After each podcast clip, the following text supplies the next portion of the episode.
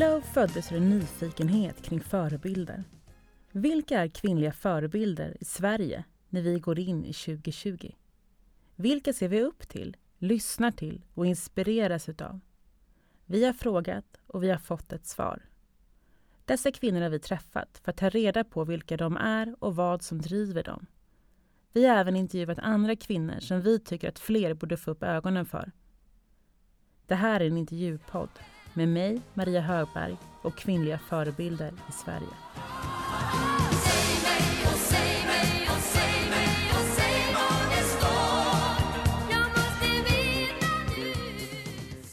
Hon känner igen blicken, som är fäst med kraftiga kedjor i det sterila bordet. Hon har sett den tidigare, hundratals gånger.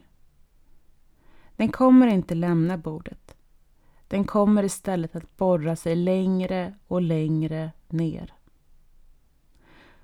Hon kan delvis sätta sig in i känslan, men inte fullt ut. Det kan man nog inte, om man inte själv har varit med om ett övergrepp. När hon gick på gymnasiet blev hon själv utsatt för ryktesspridning och förtal. Hon kunde läsa på skolans toalett att hon var en hora, en slampa, någon som knullade med vem som helst. Hon kunde be vaktmästaren att tvätta bort det som stod. Men hon kommer aldrig kunna tvätta bort det sår som finns inom henne. Nu sitter hon i rättegångssalen och tittar på flickan med blicken i bordet.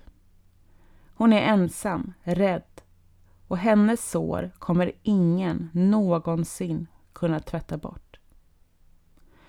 Katarina Wenstam hoppas nu bara att såret inte blir starkare under rättegången. Att förövarna blir fällda och att det sker en förändring i samhället. Det måste ske en förändring. Vem är på flickans sida? Vem driver kampen om sexuella övergrepp? Och vem får förövarna att förstå att nu är det nog?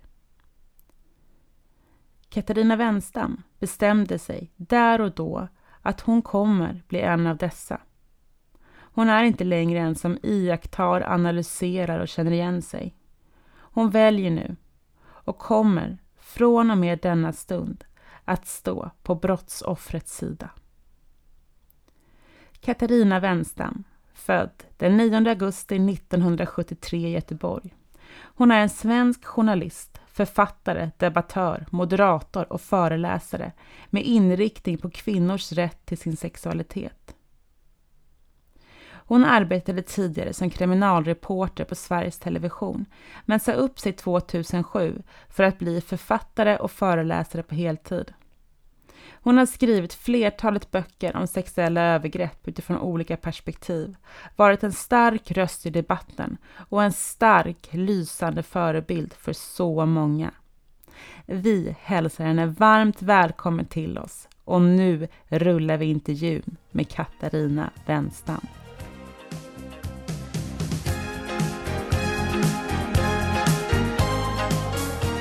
Välkommen hit! Tack så hemskt mycket. Tack för att jag får vara med. Ja, det är jättekul jag är så nyfiken på, på dig och på den här intervjun så att jag är jätteglad för att få hålla i den. Ja, men det ska bli jättespännande. Ja, hur mår du då? Jo, men jag mår bra. Jag, jag, jag, är lite trött. Jag har haft mycket jobb att göra och sen har jag skaffat mig en valp så jag sover inte jättemycket. Jag har väldigt tidiga morgnar. Jag är lite van vid att ha sovmorgon annars. Så att jag är lite, lite mosig i huvudet. Men det är, det är nog bara bra att få påminna sig om att man lever, antar jag. Ja, småbarnsförälder igen nu med, med valp och allt, förstod jag. Ja. Men du är ju med här idag för att du är framröstad till en av Sveriges kvinnliga förebilder. Ja, men det är jätteroligt. Jag blev otroligt glad för det. Det känns väldigt hedrande och i fint sällskap. Ja, verkligen. Ser du dig själv som en förebild? Ja, men vad, bra fråga. Jo, alltså det gör jag nog. Lite sådär blygsamt så ska man väl säga nej, absolut inte. Men jo, jag ser mig nog faktiskt som en förebild. För jag har genom åren som har gått sen jag blev journalist, men framförallt sen jag gav ut min första bok för ganska precis 18 år sedan, 2002 i september, eh, Flickan och skulden, så har ju jag förstått att mitt skrivande och mitt arbete har kommit att betyda väldigt mycket för andra kvinnor och andra tjejer. Eh, och på det sättet så, så har jag liksom istället för att försöka låtsas som att jag inte är det så har jag bestämt mig för att nej, men då får jag väl axla det där ansvaret. Och jag tycker att det är att vara en förebild är ju någonting väldigt, väldigt fint och ärofullt. Eh, sen kan det ibland vara lite betungande och så kan man känna att jag är inte, jag är inte världens bästa människa på alla sätt. Men eh, jag tycker att det är någonting, det är som en liksom det, det är en tyngd på axlarna men i form av en liksom ska säga, som, en, som en ryggsäck som sitter bra på något sätt. Alltså man känner så här, men det här har jag med mig. Jag har med mig att jag vet att det finns massa kvinnor och tjejer och en del män som lyssnar på vad jag säger och då tar jag det ansvaret och tar det tillfället i akt. Och när man lyssnar på dig, det jag slås av också, det är att du har en sån otrolig kraft och energi. Ja, men det kanske jag har. Alltså jag tror att det är så här att jag har ju tidigt insett att, att jag är väldigt arg. Alltså så, det, det, och som tjej eh, fick jag höra, kanske när jag var riktigt ung och sådär, när man var arg på saker och orättvisor eller blev arg för att inte saker och ting blev som man ville eller vad det nu än kunde vara. Att man som tjej inte ska, inte ska vara så arg. Vi ser ju väldigt olika på kvinnlig och manlig ilska och kvinnlig ilska ses som någonting apart och någonting fel utifrån bilden vi har av kvinnor. Men jag menar ju att man måste snarare göra skillnad på konstruktiv eller destruktiv ilska, att det är där i det ligger. Och konstruktiv ilska, till skillnad från den destruktiva, den är ju någonting som man kan hämta väldigt, väldigt mycket kraft ifrån. Det är ju för mig men nästan som någon form av bränsle. Och det är kanske därför som det då är som att det känns som att jag har väldigt mycket energi och kraft när det egentligen bara är så att jag är väldigt, väldigt arg. Eh, men jag har lärt mig att använda den här ilskan på ett sätt som då gör att jag tuffar på framåt. Eh, för destruktiv ilska, dels kan den ju vara fruktansvärd för att den kan åsamka andra människor skada, men också en självdestruktiv ilska är ju också illa för att då blir det som att man bara eh, är arg men inte kommer vidare. Att man bara liksom står och stampar. Och jag har nog väldigt tidigt bestämt mig för att den här ilskan jag känner över sakers tillstånd, över hur tjejer blir behandlade i rättsväsendet och i samhället i stort, är någonting som jag vill jag vill, göra, jag vill förändra, jag vill påverka det här. Jag vill att vi ska se på ett annat sätt på det här. Och då har jag nog liksom lyckats på något sätt via skrivandet, via journalistiken och via författarskapet omvandla en ilska som i perioder har gjort att jag liksom har legat sömnlös och varit skitarg eh, förstås. Men ändå att det är någonting som jag känner att den är väldigt, väldigt konstruktiv idag och den är också jag får ju också väldigt mycket kraft och energi utav att jag också märker att folk lyssnar. Så att det där är någon slags, det blir en, istället för en dålig spiral eller en ond spiral så blir det någonting gott, en god spiral utav det. Det ena ger det andra på något sätt. Folk lyssnar för att jag då utstrålar kraft eller energi och jag känner själv det tillbaka. Att folk lyssnar på mig och tar mig på allvar och att jag når fram också till beslutsfattare, till politiker och sådär. Och det gör att jag får ännu mera kraft och energi och på det sättet så kanske det liksom är då en en, bra, en god spiral. Den här ilskan som du beskriver, när, när, kom du ihåg när du kom i kontakt med den första gången? Ja, men det är nog väldigt tydligt kopplat till olika rättegångar. Jag började jobba på Sveriges Television 1997, eh, vilket är, då är alltså 23 år sedan, och kom ganska tidigt att bevaka ett antal våldtäktsrättegångar, bland annat den väldigt uppmärksammade gruppvåldtäkten i Södertälje som vandrade genom rättsväsendet 1998 hela vägen upp till Högsta domstolen, där det var väldigt mycket skuldbeläggande utav tjejen och hon var den som på många sätt fick stå liksom med skammen, som fick, fick förändra sitt liv. Det var hon som på något sätt skulle skämmas för vad hon hade blivit utsatt för. Hon blev ifrågasatt för sitt beteende eller för sin klädsel eller hur mycket hon hade druckit. Och jag tror också att anledningen till att det blev det var inte bara jag som reagerade på den rättegången, det var det många som gjorde, men för mig var det också som att många saker föll på plats. Eh, som har att göra med att det här är någonting som jag liksom hade sett och känt av liksom under ytan. Både som ung tjej, jag menar 1997 när jag började på SVT så var jag 24 år. Eh, och då låg tonåren inte sådär jättelångt tillbaka i minnet så jag kunde ju också känna igen mig väldigt mycket i alla de här tjejerna jag mötte i egenskap av kriminalreporter att jag kunde känna så här, men det här hade kunnat vara jag. Eh, det här, det här är inte så länge sedan, eller det här skulle kunna vara jag vilken kroghelg som helst. Liksom. Eh, och på det sättet så, så, var det liksom, jag tror att det var väldigt tydligt så att det var där den här ilskan väcktes och sen har den liksom aldrig riktigt lagt sig. Eh, helt enkelt för att det liksom, ju mer jag lär mig vilket jag gör hela tiden, även om jag har jobbat med de här sakerna då i över två decennier så lär jag mig nya saker hela tiden. Och ju argare blir jag för att det fortfarande ändå är så att vi, kanske ibland nästan ännu argare idag, för vi har haft en debatt om det här så många år och ändå står vi i vissa avseenden och stampar i synen på eh, unga tjejers sexualitet eller bilden av en kvinna utifrån ryktesspridning eller att eh, tjejer inte blir trodda när de vittnar om övergrepp eller att kvinnor blir mördade i Sverige när de försöker lämna våldsamma relationer och så vidare. och så vidare. Det är, liksom, det, det, är, typ, det är omöjligt att inte vara arg. Så känner jag. Men vad var det som, som gjorde att du förstod att det här var fel? Um, för det, jag tänker just det här med skammen. För många kanske upplever det men fortfarande känner att det är tjejen som gjort fel eller att man har gjort fel själv. Hur förstod du liksom att det var att ansvaret inte ligger på oss tjejer utan på förövarna? Men jag tror att det där är någonting jag har med mig kanske då själv ifrån tonåren. Alltså att känna så här att, men egentligen varför ska det vara någon skillnad?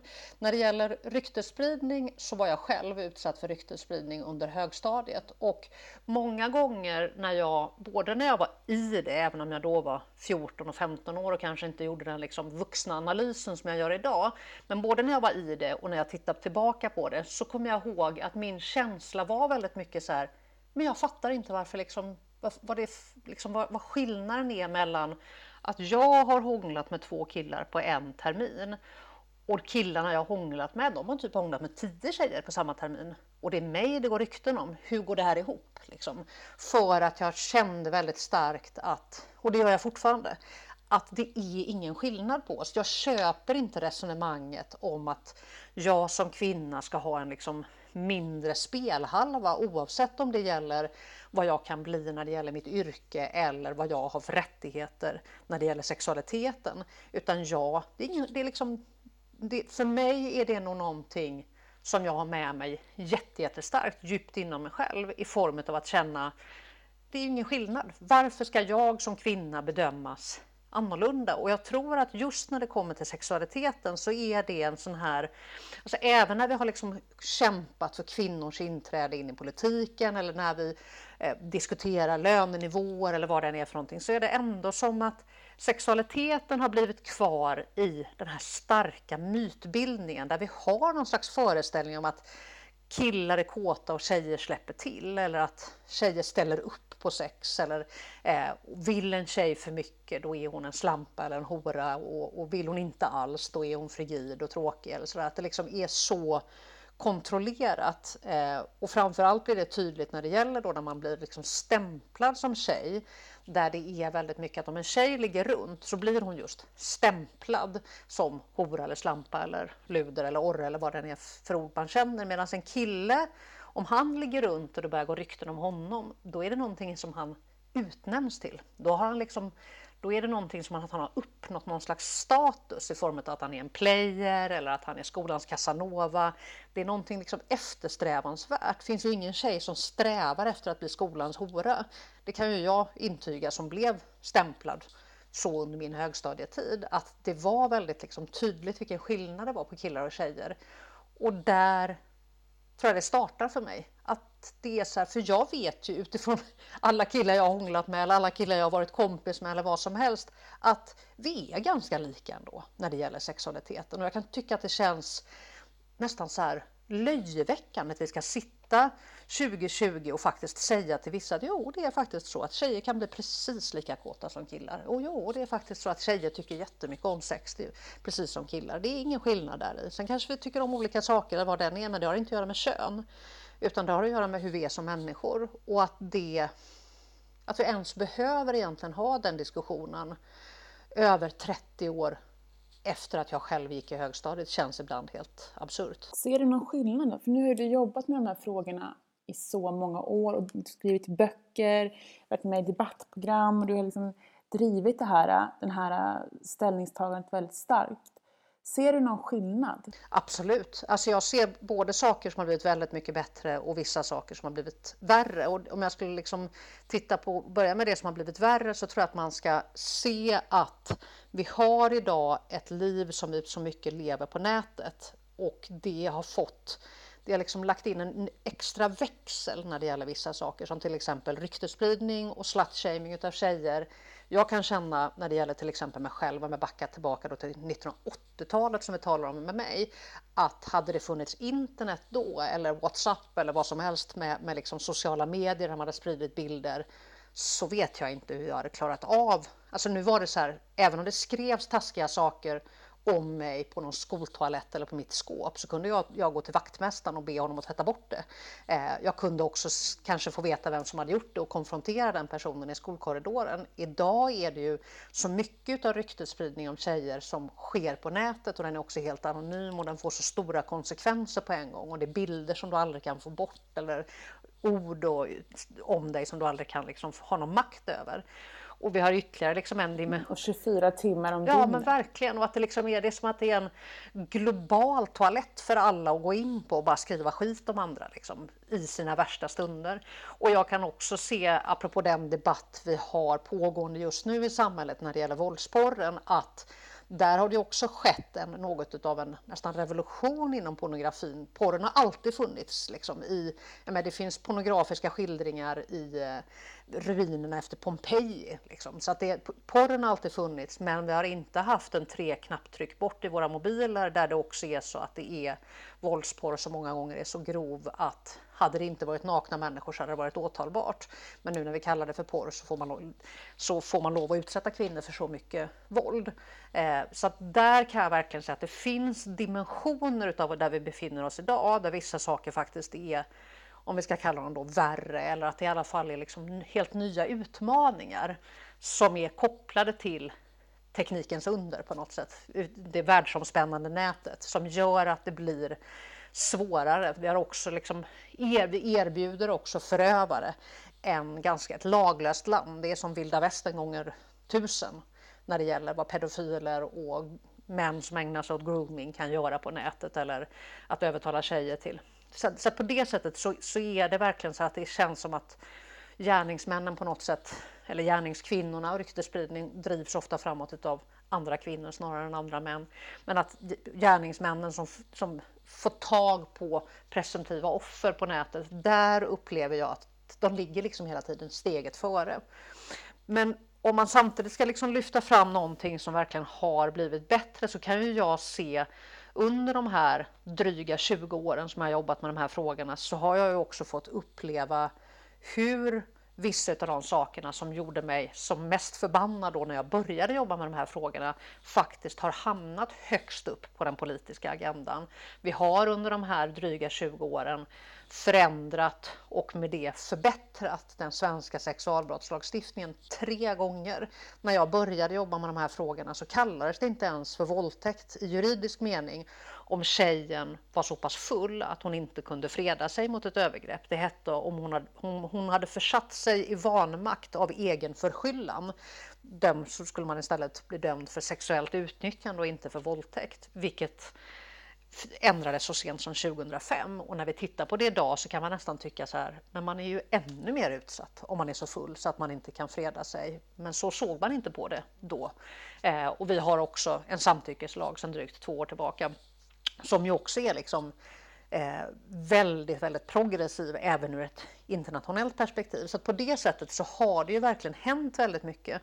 Men jag tror också att vi hela tiden kan se att allting går inte heller riktigt att lösa med lagar, med lagtexter, utan vi måste också ha en debatt. Eh, och jag brukar ofta dra parallellen till agalagstiftningen, alltså förbjudet mot att aga sina barn, som trädde i kraft i Sverige först av alla länder i hela världen 1979 och som då var en jätteifrågasatt lag. Ska vi verkligen ge upp en gammal god svensk tradition att uppfostra våra barn med, med slag och sådär som det kunde låta i lagrådsremisserna? Folk trodde att det skulle bli bara utbryta fullständig anarki om man inte fick slå sina barn och sådär. Och det är ju fortfarande så att barn blir misshandlade, men vi har en helt annan syn på det idag. Vi har en helt annan intolerans för vuxna människor som beter sig våldsamt mot barn, vad de än försöker hitta på för ursäkt. Och det handlar ju både om lagtexten, att det är förbjudet, men det handlar också om hur den liksom sakta men säkert på något sätt ska vi säga, nästan så rinner ner genom hela folkmedvetandet om du förstår vad jag menar. Att liksom för varje generation så, liksom, så går det lite, lite liksom djupare in i ryggmärgen på oss och känna så här, Nej, det är klart att vi inte ska slå barn för att de inte vill äta upp sin mat. Det, alltså så här, och på samma sätt så kanske man tänker sig att när vi fick en sexköpslag i Sverige som förbjuder köp av andra människors kroppar så finns det ju jättemånga människor som fortfarande ifrågasätter det och än mer när den trädde i kraft för drygt två, två decennier sedan. Men att det också är så här bit för bit så tror jag det är fler och fler som känner att nej, det är klart att man inte ska kunna köpa en människas kropp. Eh, och samma sak med samtyckeslagstiftningen som jag kan känna ibland sådär när det har varit förlöjligande debatt kring den och hur ska det här gå? Ska folk ha samlagskontrakt och hur ska man veta? Och så känner man så här, men är det verkligen så att vi sitter och diskuterar att det är kontroversiellt och revolutionerande att om två personer har sex med varandra så ska båda vilja ha sex med varandra, annat fall så är det ett brott. Alltså så kan man känna så här, hur kan det vara någonting annat än fullständigt självklart? Hur kan vi tycka att det är radikalt att säga att både hon och han eller han och han och hon, hon, alltså oavsett vem man är som deltar så ska det vara frivilligt. Man ska vilja ha sex om man har sex. Det, det, och jag tror ju då att den debatten både skapar en helt nytt sätt att se på sexualbrott men också kanske att se på sex. Att vi faktiskt pratar om sex som att det är klart att det ska finnas samtycke. Varför ska liksom Sex är roligt, sex är fantastiskt. Det är ju liksom ett av livets stora liksom, nöjen, höll jag på att säga. Det är det ju så. Alltså det är fantastiskt och all, liksom, de flesta människor vill ha sex. Men jag tror också att det är så här, det är klart man inte vill ha sex med en person som inte vill ha sex med en själv. Det, det är ju, det ska ju vara ömsesidigt. Det är det som är hela grejen. Men om man tänker på den här då agalagstiftningen som du nämner som en, som en parallell så är ju det någonting som, som, precis som du säger, som det känns som att det finns i folkvettet idag. Man ska inte slå barn. Men när det gäller kvinnor, sexhandel, våldtäkter så känns det som på ytan att det finns någon så folkvettsbild utav det. Men där under så är det liksom vilda västern i någon form. Hur ska man få det att gå in i folkvettet också? Genom att fortsätta, fortsätta, fortsätta diskutera och ta upp alla de olika fördomar som finns. För om man tänker sig liksom när det gäller då våldtäkt så skulle jag, skulle jag säga att om, om folk skulle bara svara på frågan, tycker du att våldtäkt är ett fruktansvärt brott? Ja, säger ju liksom absoluta merparten av samhället. Våldtäkt är ett, ett av de mest hatade brotten vi har, med rätta. Men sen kommer liksom så här, ja men om, om hon var jättefull, om hon hade dansat med honom innan, eller om han var jättefull och han egentligen är en schysst kille på skolan, om hon fortsätter att liksom umgås med honom och hans kompisar, om hon eh, hade på sig si och sådana kläder eller om, om eh, Alltså så här, det, det, liksom, det blir alla de här om och men och kanske men ändå och så börjar man liksom nyansera om det till att för vissa är det som att bara överfallsvåldtäkten i parken är liksom det som blir kvar som någon slags, inom citationstecken, riktig våldtäkt. Eh, när vi måste förstå att det är så att en kille som tvingar sig på en tjej som sover eller som har sex med sin flickvän genom att hota henne till det eller hota att göra slut eller hota om våld eller tjata ner henne. Liksom. Eh, det är också brottsligt. Man får inte lov att ha sex med en människa som, som inte är med på det. Det ska finnas ett samtycke, annars är det ett brott.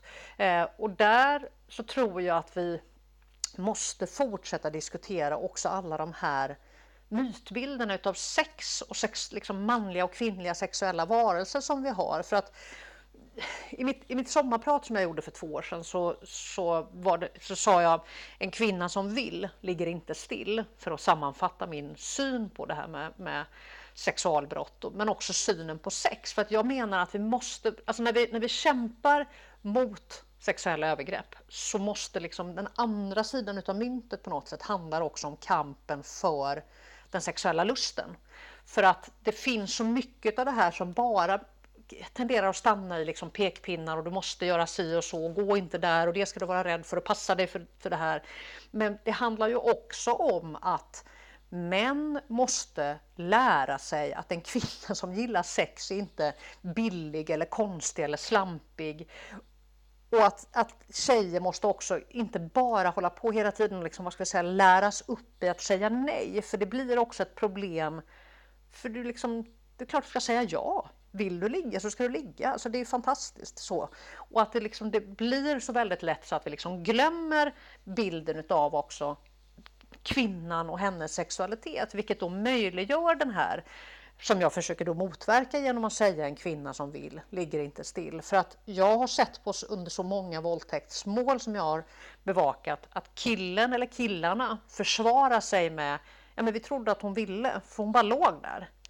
Och då tänker man så här, men snälla någon, vad har vi för bild utav ömsesidigt sex och vad har vi för bild utav en sexuellt villig och aktiv kvinna? Om det överhuvudtaget i våra domstolar accepteras att man säger jag trodde att hon ville för hon bara låg där. Vad är, vad är det för bild? Alltså, liksom, alla som har haft liksom vanligt sex vet ju att det inte ser ut på det sättet. Men fungerar de argumenten fortfarande? Jag tänker alltså, när du började följa alla de här rättegångarna eh, och idag, är det samma argument som du hör i rättssalen idag? Eller har, liksom, har det förändrats där inne? Ja, vissa saker har verkligen förändrats. Alltså till exempel så är det det som kunde förekomma i slutet på 90-talet och början på 2000-talet med, med väldigt fokus kring tjejens klädsel till exempel, eh, när det inte överhuvudtaget var, var relevant för vad hon hade haft på sig. Liksom, det är en sak om kläderna läggs fram som, en, som ett bevismaterial.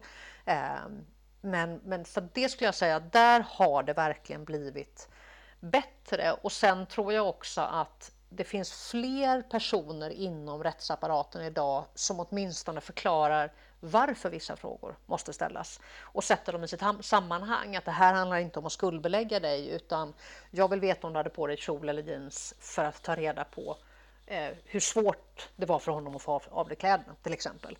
Eh, men det är fortfarande så att väldigt många inte tar sig den här tiden att förklara varför det ställs frågor på ett visst sätt. Men så jag skulle säga att ja, det har blivit väldigt, väldigt mycket bättre. Men samtidigt så stöter jag med jämna mellanrum fortfarande ändå på rättsfall som är nu eller förra året eller 2018, alltså som är verkligen nyligen, där det fortfarande är så att man, man snöar in på, skulle jag vilja säga, kvinnans beteende och föreställningar om hur man tror att en våldtagen tjej ska bete sig. Och rättsapparaten är ju som folk är mest, nämligen att man inte heller, man har många gånger ganska svårt att se gärningsmannen i en, vad ska vi säga, vanlig rekorderlig kille. Alltså i, I debatten om våldtäkt så finns det också någonting väldigt farligt när vi många gånger pratar om våldtäktsmän som monster.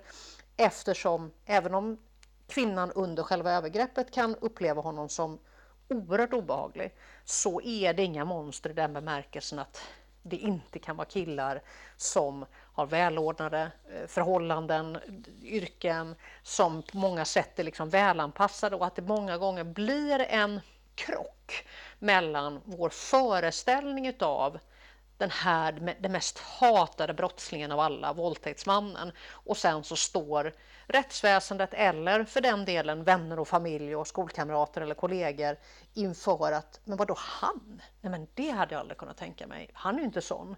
Fast liksom, så, vad, vad, vad är sån då? Vad är, vad, vad är det som gör att vi tror att det liksom ska stå våldtäktsman i pannan på en gärningsman? Eh, och det, där kan jag tycka att det fortfarande finns kvar väldigt mycket av myter och så. Vårt förra kontor som vi hade låg ju granne med den bordell som de slog till på efter Paolo Robertos bordell. Alltså den som var tillslaget efteråt. Och där så... I en del av Insatstorsk där Vi misstänkte ju det här, vi satt ju där i tre år tror jag. Vi pratade med hyresvärden som också misstänkte det och försökte få till det men herregud vad vi har sett män i alla dess former går in där.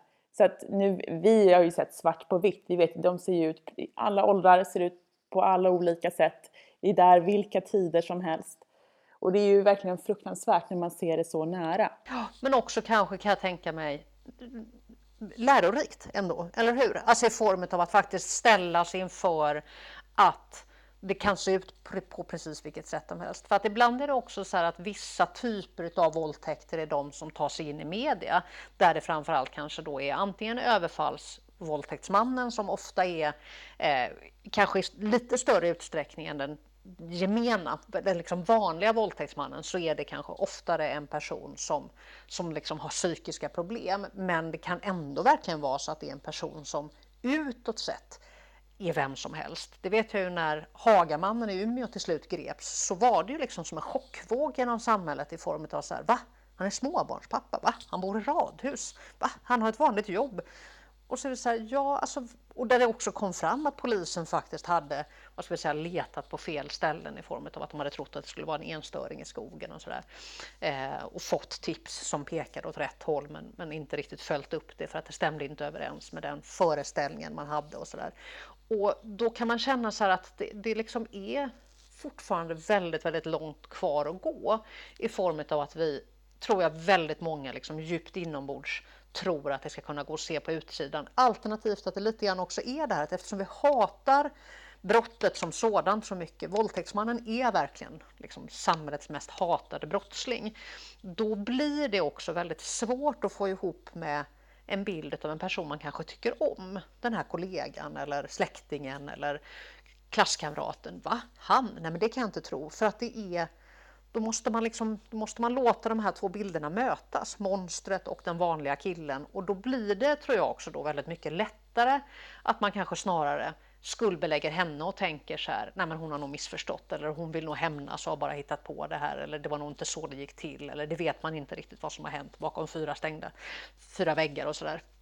Vilket gör det, lätt, det är lättare för människor i allmänhet att acceptera liksom skuldbeläggande och ifrågasättande utav ett offer än att faktiskt vara tvungen att syna sina egna fördomar och ställas inför att jag kanske inte känner den här individen. Jag kanske faktiskt inte vet vem den typiska våldtäktsmannen eller sexköparen eller så är. Du har ju skrivit en rad böcker eh, och är aktuell även nu eh, med dockorna som du precis har eh, kommit ut med.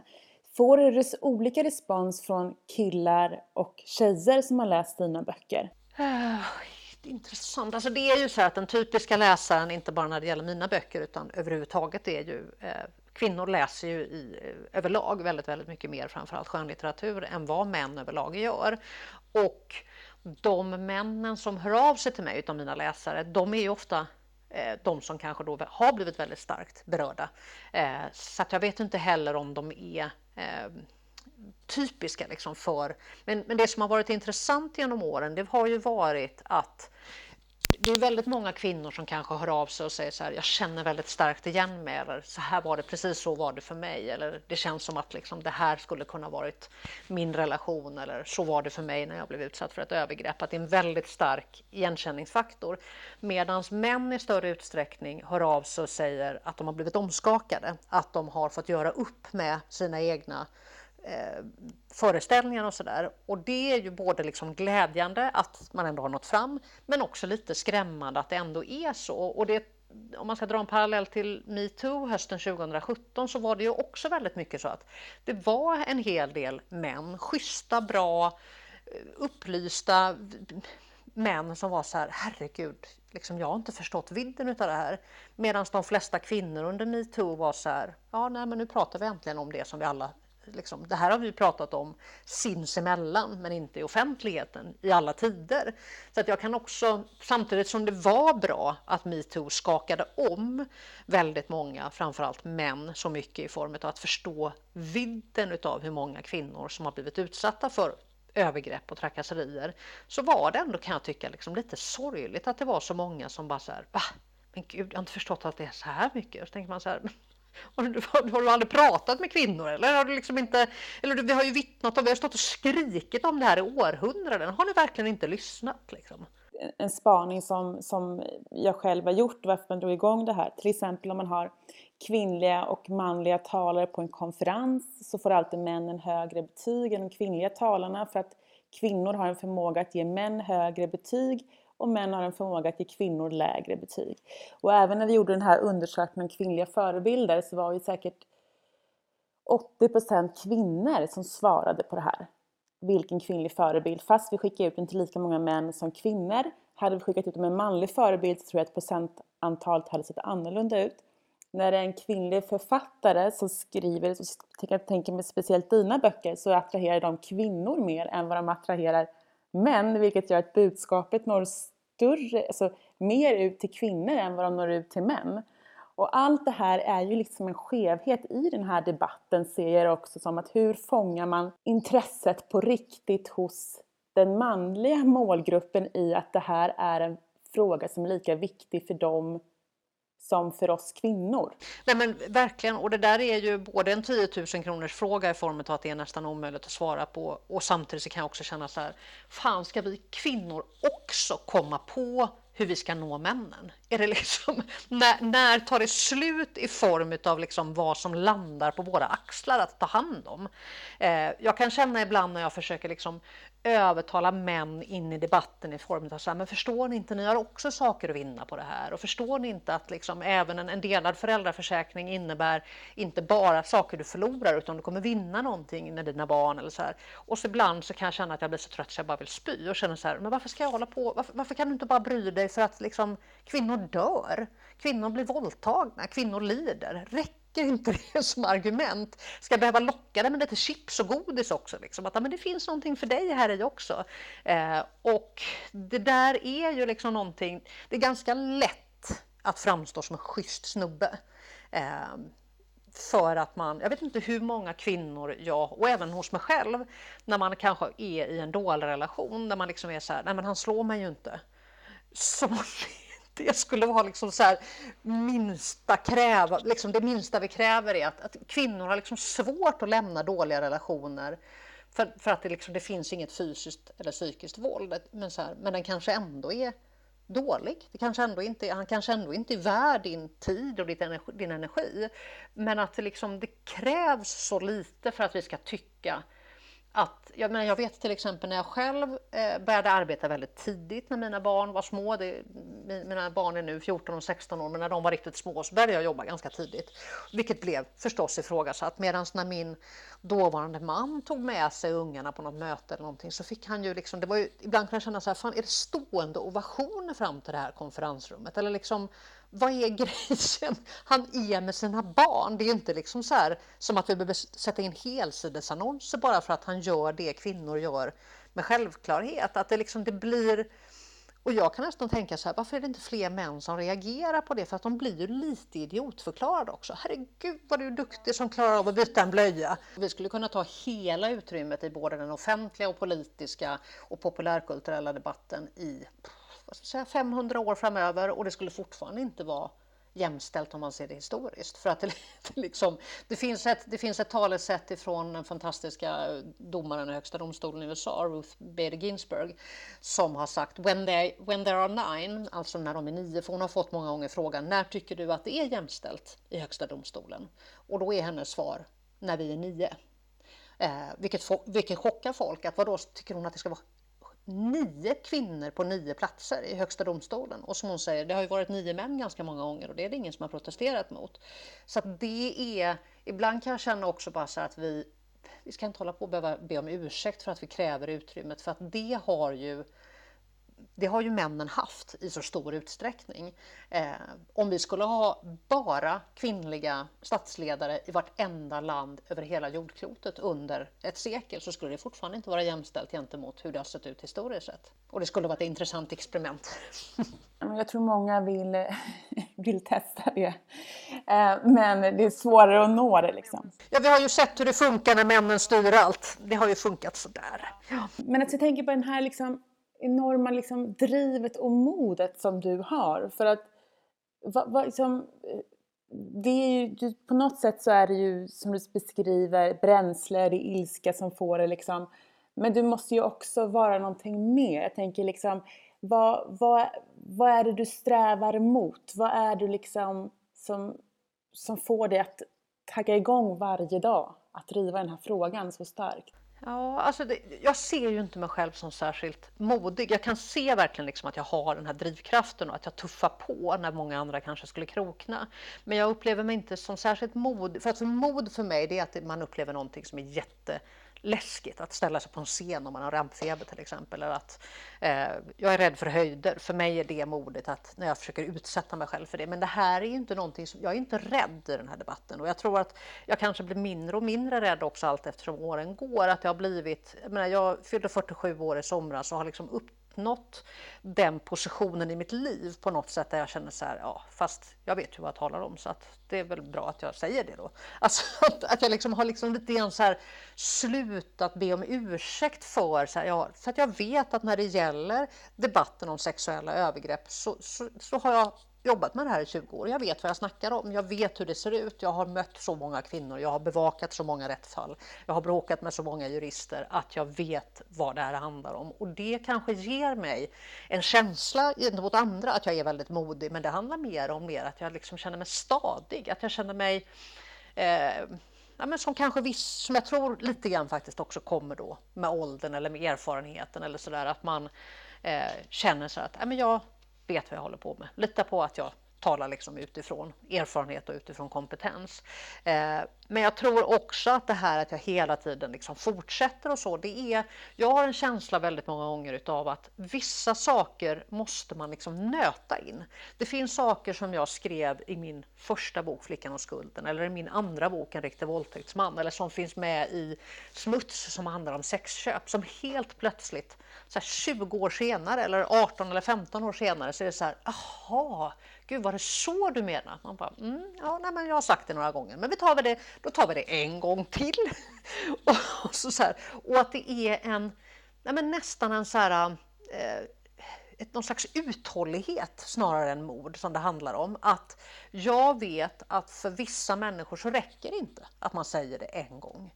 Eh, och det är kanske som jag själv funkar när det gäller vissa miljöfrågor. Om jag skulle bara ta en helt annan, liksom så, här, så har det tagit tid för mig att kanske förstå vidden av mitt ekologiska avtryck för att det har behövt. Det har tack och lov funnits de som liksom har nött ner mina liksom, icke pålästa tankar. Liksom så där. Och att det är faktiskt kanske så att när det gäller vissa viktiga frågor som är kopplade till vår vårt, liksom, vår överlevnad, vår, vår existens, vårt sätt att vara mot varandra i relationer, så kan vi inte heller förvänta oss att folk ska fatta så här bara på en gång, utan att det kanske behövs liksom förklaras på ena och andra sidan och att det också är så att ibland tiden lite mer mogen. Vissa saker jag sa tidigt i min karriär var kanske inte tiden mogen för då.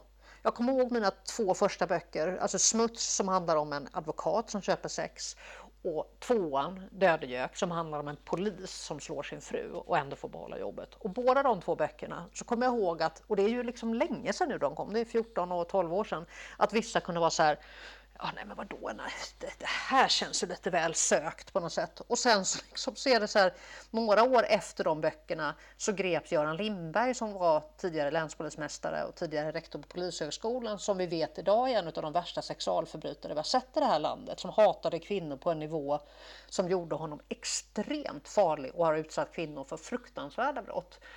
Och då var det så här, ja, vi vet ju att liksom, verkligheten är alltid värre än dikten. Alltså så, det spelar ingen roll att jag hittar på en advokat som köper sex. Här har vi en polischef som våldtar unga tjejer som försöker få till träffar med 13-åriga barn.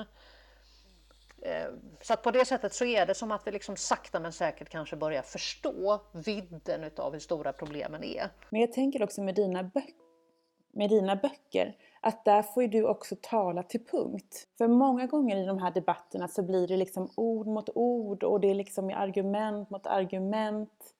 Men jag tänker, nu är det ju min analys av din bok, dina böcker, men jag tänker att i en bok så får man ju också tala till punkt. Man får ju vara nyanserad och man får ju liksom skriva eh, hela, hela tankebanan. Det måste ju också vara väldigt skönt, tänker jag. Absolut, men en av de anledningarna till att jag valde att säga upp mig från Sveriges Television för 14 år sedan ganska precis, då hade jag redan skrivit både Flickan och skulden och Riktig våldtäktsman. Det var att jag kände, för att det är, och det ska vara så på SVT, att man, man, har, man måste vara opartisk, man ska vara objektiv och när det gäller våldtäktsfrågan så kom jag till en punkt där jag kände så här att ja, men det blir svårt, för jag kan inte bevaka våldtäktsrättegångarna för SVTs räkning, för ingen kommer liksom betvivla på vems sida jag står. Och för mig var det väldigt skönt en dag när jag liksom lämnade in och gick ut från tv-huset och kände så här, nej men nu har jag tagit, nu, nu tar jag ställning fullt ut. Jag står på kvinnornas sida, punkt. Eh, och där står jag och där står jag fortfarande. Och för mig har det varit ett, ett ställningstagande som har varit både väldigt liksom skönt rent liksom för mitt eget skrivande, för min kreativitet, att liksom jag vet var jag, var jag står någonstans, men också för att jag tror att det har gagnat mitt, liksom, mina debattinlägg. Att man vet vad jag, liksom att jag är någon form av röst för de som inte blir hörda eller de som man inte lyssnar på.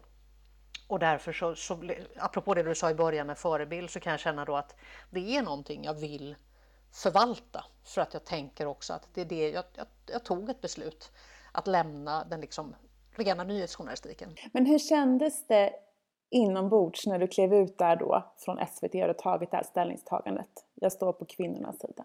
Ehm, jag kommer ihåg att det var ganska läskigt å ena sidan. Jag hade precis blivit tvåbarnsmamma och eh, hade en son på fyra år och en dotter på ett år och kände också så här, shit, nu, nu gäller det att det bär det här. Nu, liksom, nu måste jag kunna försörja mig på bara mitt skrivande. Eh, men det var också väldigt skönt att sätta ner foten och bestämma sig för att nu är det det här jag ska göra och jag ska göra det här resten av mitt liv. Jag ska kämpa för kvinnors rättigheter. Jag ska kämpa för de här frågorna som jag har. Och jag är så glad också att jag har åren som journalist på Sveriges Television i grunden. För att de dryga tio åren jag var där bevakade jag så otroligt många rättsfall, alla möjliga typer av rättsfall som gjorde att jag har eh, dels har jag liksom uppslag för böcker och debatter för resten av mitt liv och det gör också att jag ganska lätt kan liksom gå in i researchrollen varje gång jag ska skriva en ny bok. Då, då liksom är det som att då kopplar jag på den gamla liksom nyhetsjournalisten igen som bara gräver i några månader innan jag sätter igång och, och skriver. Så att jag är väldigt glad att jag ändå hade de åren jag hade på SVT. Men jag tyckte om att lämna och bestämma sig för att nu är det det här jag gör och nu är det också det här jag ska försörja mig på. För det gjorde att jag det blev inte liksom någon, någon så här sidoprojekt bredvid mitt riktiga yrke som journalist utan nu är jag författare först och främst och sen är jag också debattör och föreläsare och, och krönikör och, och, kan också kliva in i journalistrollen, absolut. Men, men jag är i första hand författare. Och jag tänker på samma sätt som eh, som jag också hört i eh, intervjuer med dig eller i sommarprat att det är kvinnor som kan spä på det här dåliga ryktet om andra kvinnor för att man vill inte förknippas med den här dåliga eh, slampa-ryktet själv. Så när du också då... Ja men precis. Och jag tänker när du tog ställning här nu så tog du också ställning för att nej men jag kommer aldrig ställa mig där. Jag kommer liksom säga tack och hej till att vara på den sidan utan helt 100% gå över till andra sidan. Nej, det riskerar ju att smitta liksom på något sätt. Det är ju... Men jag tror att det kanske handlar också om att jag fick upp ögonen för just detta med varför är det så att tjejer ofta är de som driver på? Ryktena startar ofta hos männen.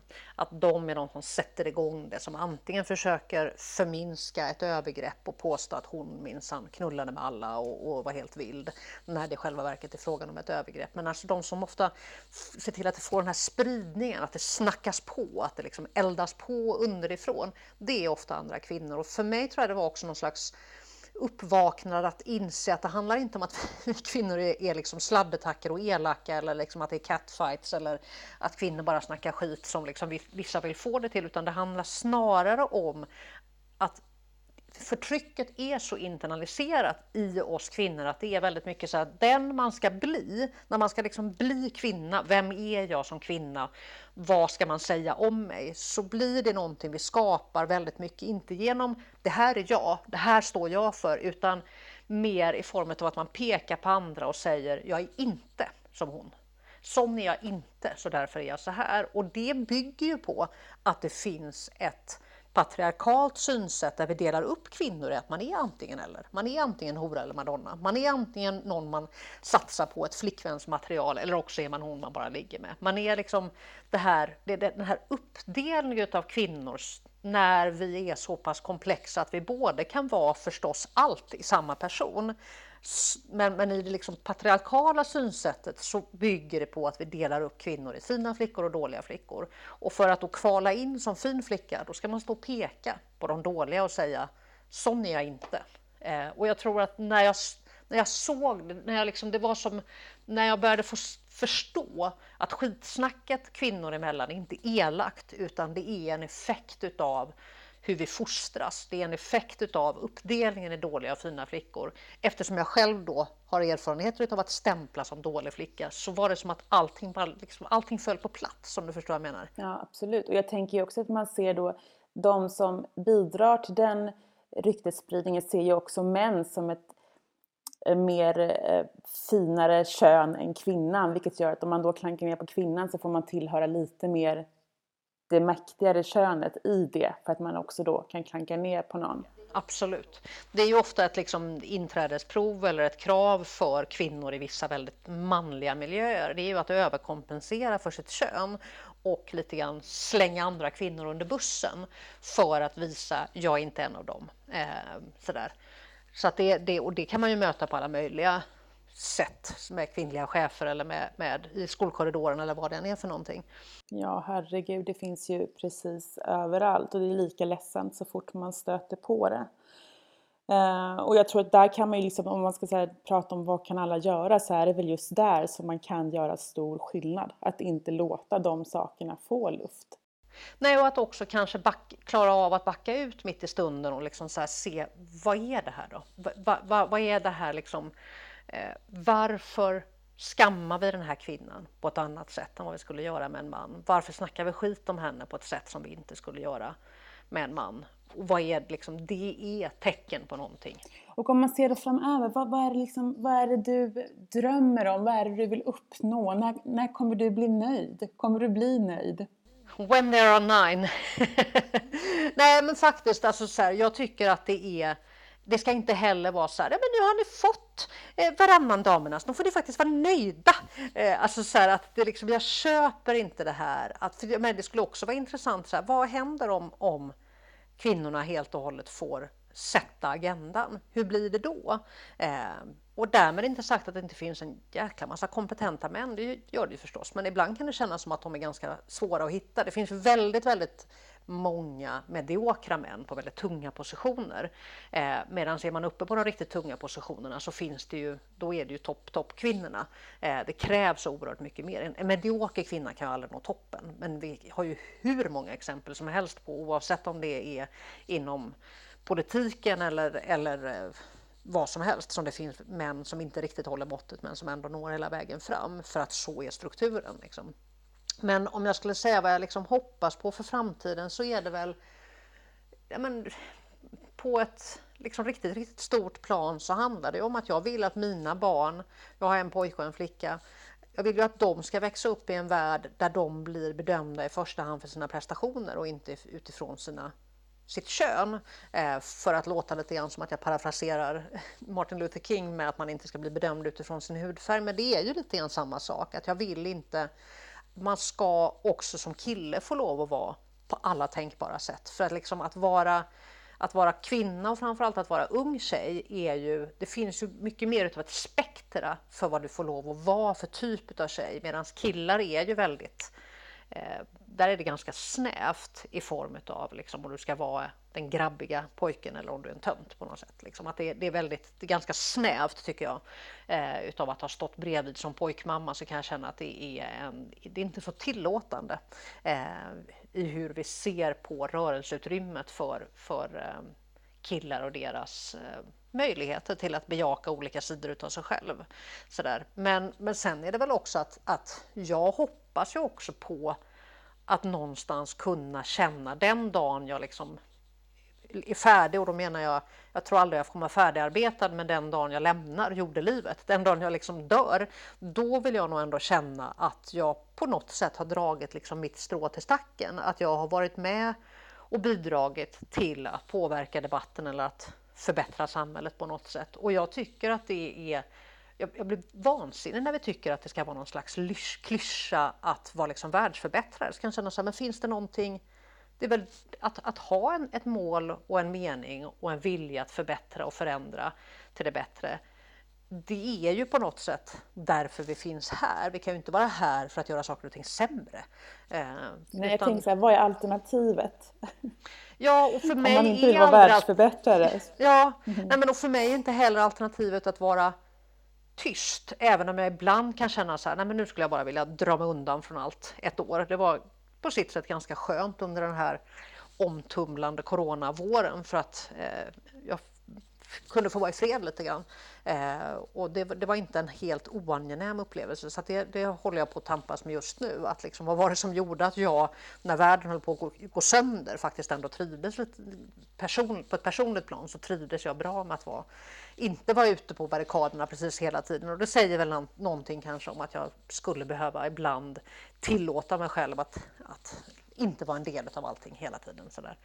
Eh, men jag känner väldigt, väldigt mycket hopp när det gäller nästa och nästkommande generationer, när det gäller liksom kampen för kvinnors rättigheter och kampen för, för jämställdhet. Att jag blir väldigt upplyft när jag träffar dem som är yngre än vad jag är och ser vad de gör när det gäller eh, de här frågorna som jag själv har drivit så länge och så mycket.